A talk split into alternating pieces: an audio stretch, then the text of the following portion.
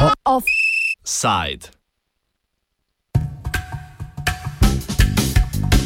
Prevetritev zakonodaje o delovskem soupravljanju.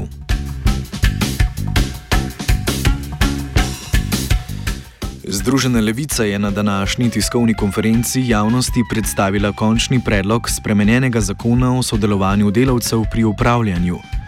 Zakon, ki ureja delovsko soupravljanje v podjetjih, je Slovenija sprejela leta 1993, sama pravica do soodločanja zaposlenih pri vodenju družb pa je zagotovljena s 75. členom Ustave Republike Slovenije.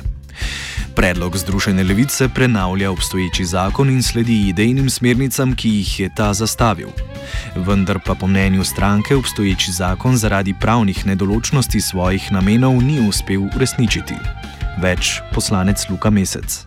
Napisan je bil leta 1993 po uh, nemškem zgledu, ampak nažalost zaradi uh, številnih pomankljivosti tega zakona ni nikoli zaživel v praksi.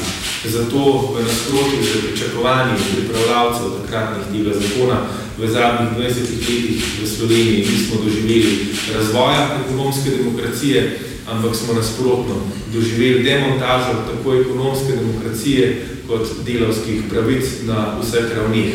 Posledice so danes jasne.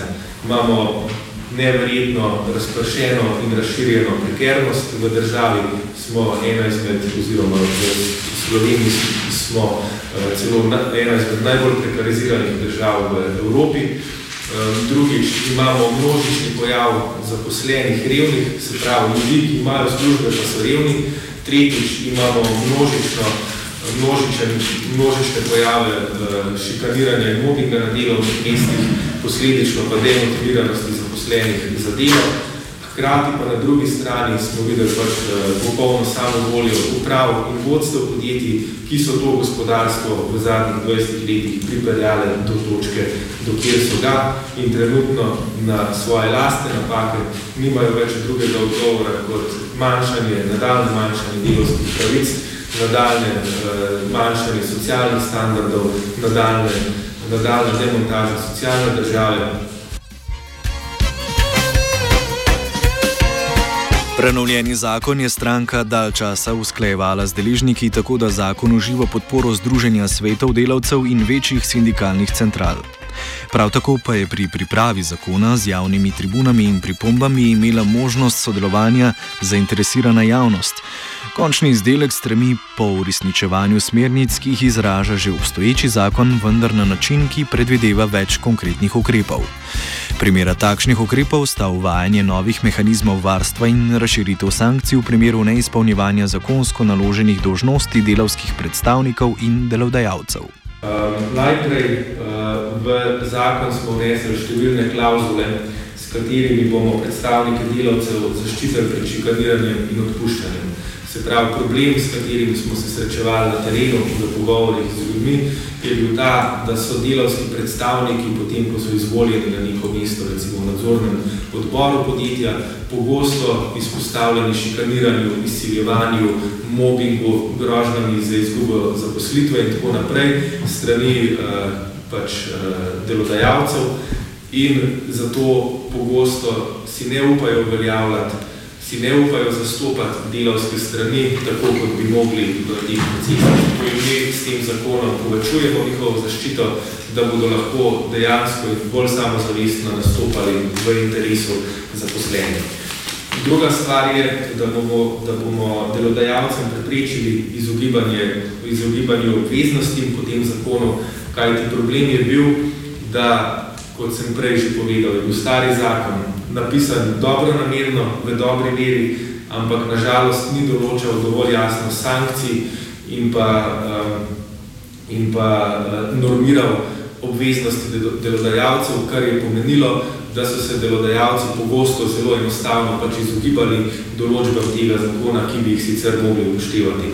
Zdaj, mi smo uh, pač te sankcije dodali uh, in na ta, na ta način pač zakon poskušamo napraviti uh, oziroma prevesti iz mrtve črke na papirju v zakon, ki bo dejansko zaživel v praksi in dal ekonomski demokraciji nov zalet.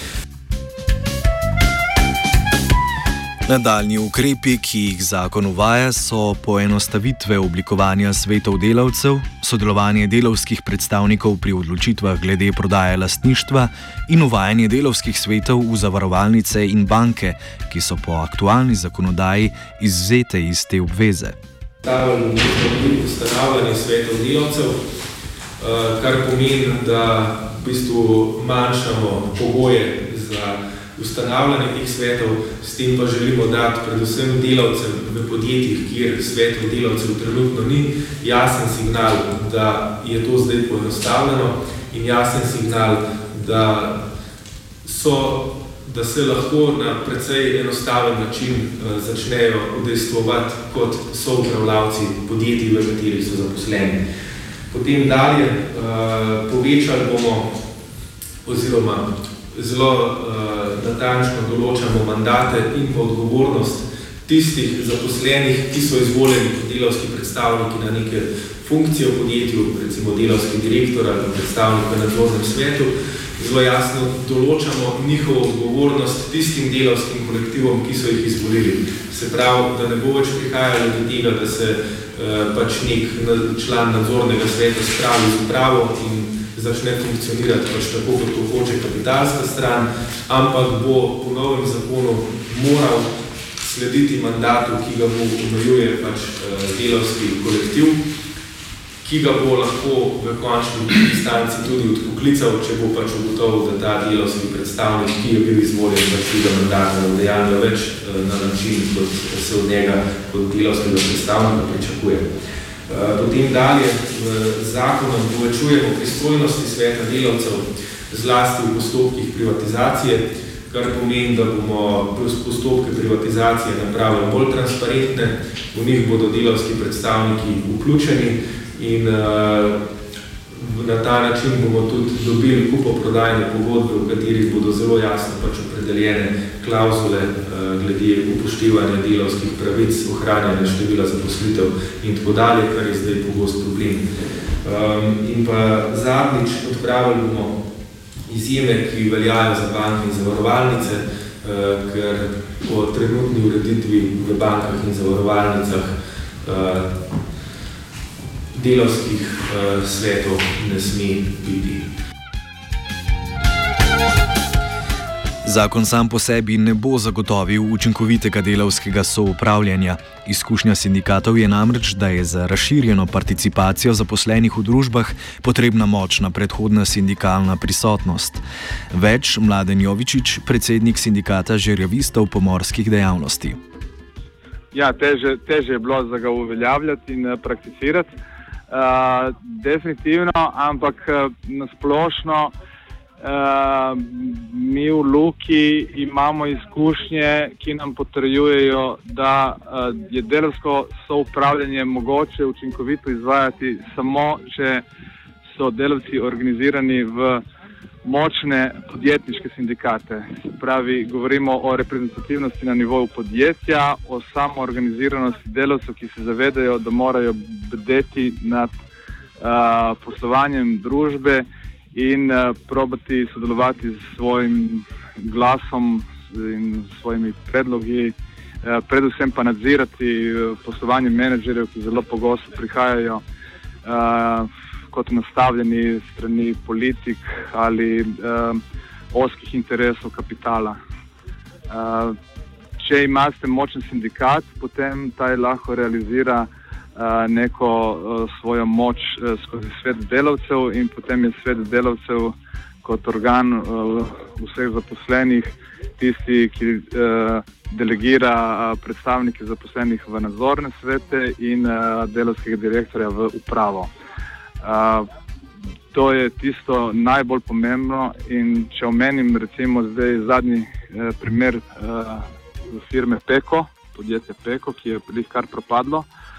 Uh, vam moram reči, da v primeru, da bi imeli v Peku zaposleni učinkovit soupravljavski sistem, bi vedeli, da je firma uh, zašla v uh, krizo uh, takoj, ko bi rekel, prvi dan, ko bi se to zgodilo. Uh, se pravi, cela agonija propada, cel ta čas uh, na vzdolj, bi oni imeli možnost uh, za učinkovito ukrepanje. Uh, prvi uh, tak primer smo mi v Luki imeli še v obdobju, ko je v upravi bil uh, Robert Časar. Prav takrat smo delavci skozi uh, nadzorni svet uh, uspeli ustaviti to uh, ropanje podjetja in tudi potem odstaviti upravo Roberta Časarja. V primerih družb, kjer sindikalne organiziranosti ni, običajno tudi organi delavskega predstavništva ne delujejo, kot so bili načrtovani.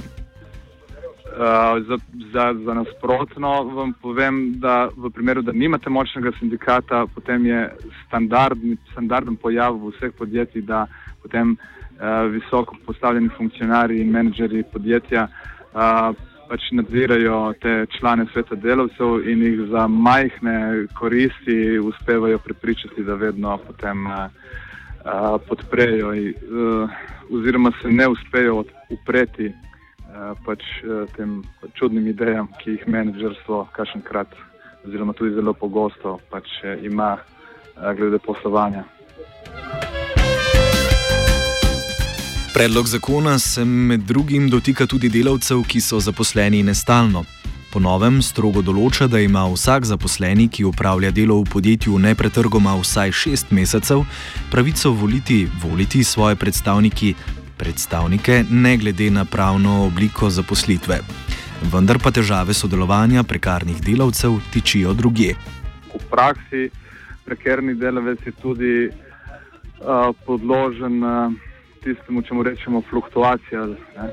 Se pravi, lahko da je tudi zelo kratek čas zaposlen kot neki podizvajalec ali podpogodbenik, bodi si SP.